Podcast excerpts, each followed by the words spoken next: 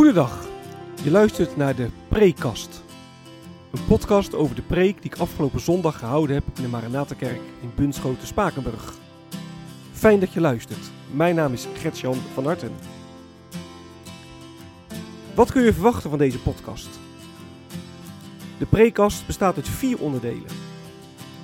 Ik begin met een korte introductie van de tekst waarover ik gepreekt heb. Vervolgens geef ik een korte samenvatting van de preek zelf. En met korte samenvatting bedoel ik ook echt kort. Tijdens mijn opleiding heb ik geleerd dat preken schrappen is. Niet alles wat je in de voorbereiding gevonden en bedacht hebt, kan terugkomen in de preek. Wat heb ik laten liggen wat het overdenken wellicht waard is? Daar wil ik het over hebben in het derde deel van de preekkast. En tenslotte sluit de preekkast af met een aantal verwerkingsvragen.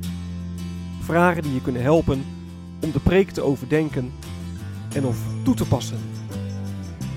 Ik wens je veel luisterplezier.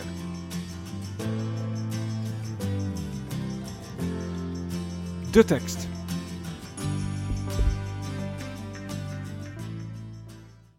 De preek gaat over Job 2, vers 1 tot 10. En Job, dat was een, een gelovige man. Hij wordt uh, rechtschapen en onberispelijk genoemd. En in Job 1 wordt beschreven hoe Job, een hele rijke man, al zijn bezit kwijtraakte. En het ergste nog, dat ook al zijn kinderen omkwamen. En toch bleef Job geloven in God. In het tekstgedeelte lees je dan dat de Satan tegen God zegt: Ja, dat komt omdat Job gezond is. En stel nou dat Job ziek zou zijn, en dan zou hij wel stoppen met geloven, dan zou hij u wel vervloeken. En dan krijgt de Satan van God toestemming om Job ziek te maken. En dat doet hij ook. Job die komt onder de zweren te zitten. En de vrouw van Job zegt dan: Job, vervloek God toch en sterf. Maar Job doet dat niet. En Job 2, vers 10 eindigt dan met: Ondanks alles zonderde Job niet. Hij sprak geen onvertogen woord. De preek.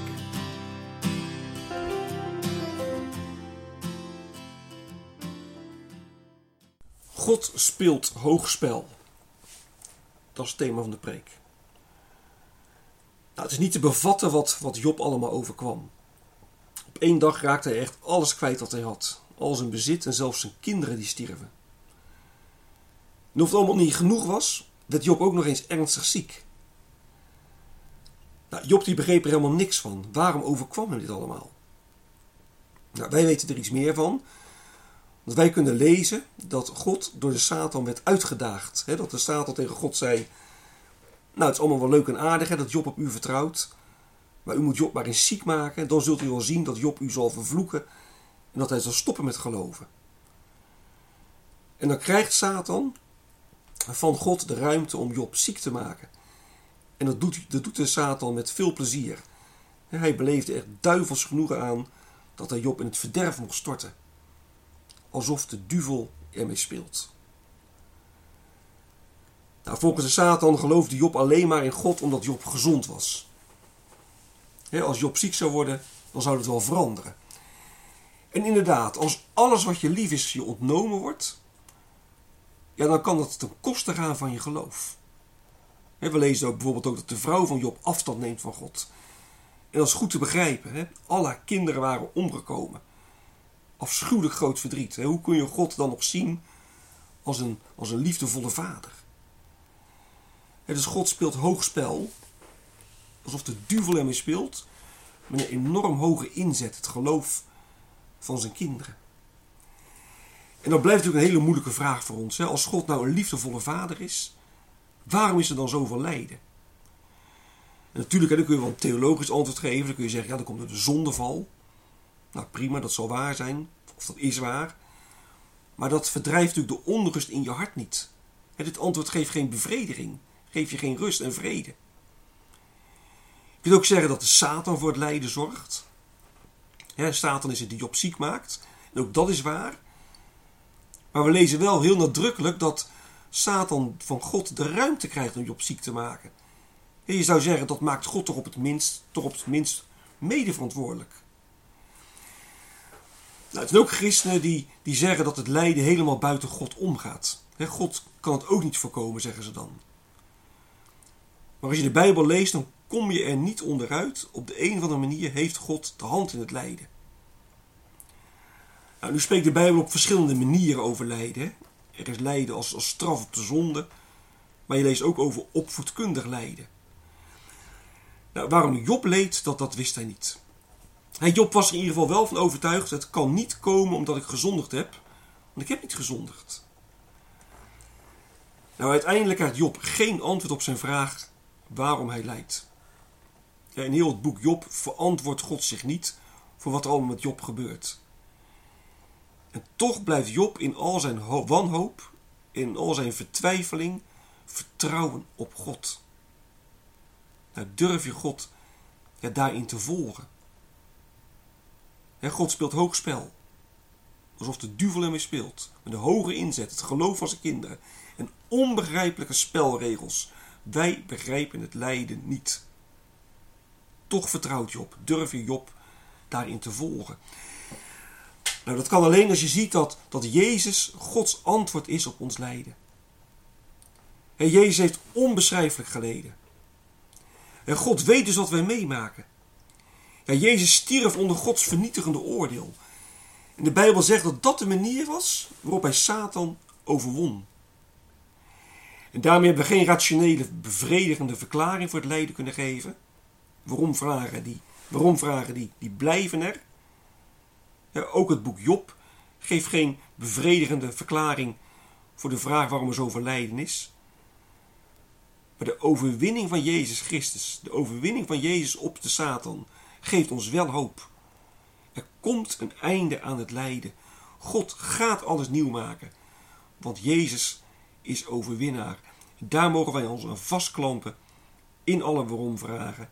Daar mogen wij op vertrouwen in al het lijden. God speelt hoogspel, alsof de duivel ermee speelt, met een hoge inzet en onbegrijpelijke spelregels, maar met Jezus als overwinnaar. Wat is blijven liggen?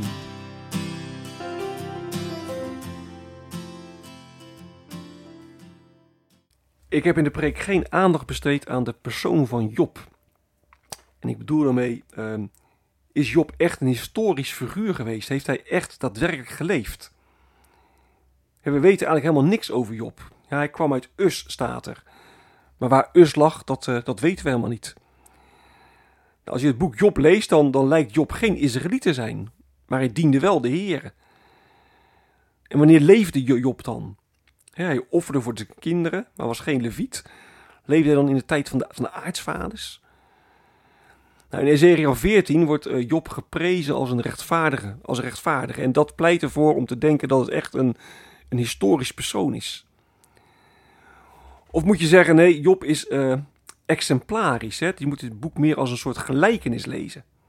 Job heeft niet echt bestaan. Het gaat niet om de persoon van Job, maar het gaat om de les die het, uh, het boek ons wil leren. En die les is dan van hoe moet je omgaan met, met lijden waarmee je kunt uh, worden geconfronteerd. Het gaat dus echt om, om, de les, het gaat om wat je ervan kunt leren. En niet zozeer om de vraag of het wel of niet echt gebeurd is. En er zijn ook wel uh, theologen die zeggen: nee, Job is geen historisch figuur, maar Job die staat symbool voor het volk Israël. Ze zeggen: het boek is geschreven in de tijd van de ballingschap. En Israël had het zwaar, ze waren in Babel.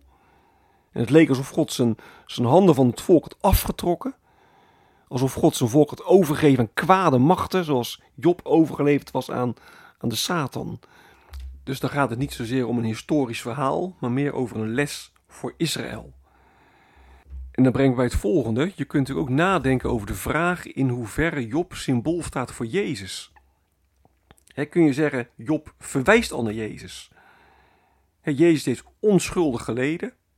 Nou, Job die zegt ook, ik leid, maar ik heb geen zonde gedaan. Job, Job voelt zich door de Heeren verlaten. En Jezus die riep het ook uit aan het kruis. Mijn God, mijn God, waarom hebt u mij verlaten? En ik denk zeker dat je in deze lijn kunt, kunt denken hè, dat Job al iets van, van Jezus laat zien. Je moet bijvoorbeeld maar eens uh, Jezaja 53 lezen. Hè, die profetie over de knecht des Heeren, een profetie over Jezus Christus. En als je dan leest wat daar over Jezus gezegd wordt en je legt dat naast Job, dan zie je heel veel parallellen. En natuurlijk is er ook wel verschillen.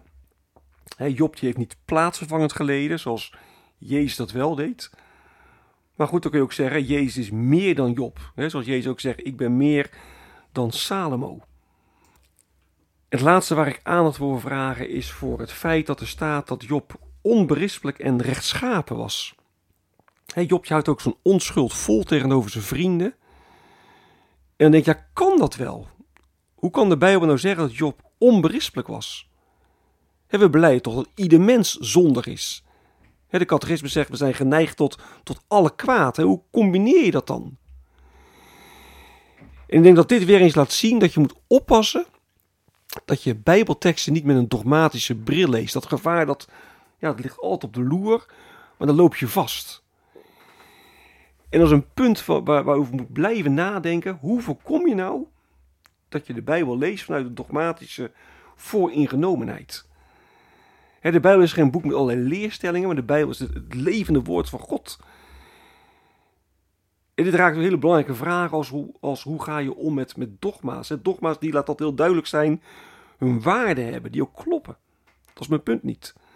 Maar hoe voorkom je nou dat ja, een dogma als een soort mal gaat fungeren waar de Bijbeltekst in, in gepest moet worden? Nou, dat is natuurlijk een vraag die, die continue bezinning vereist. Verwerkingsvragen.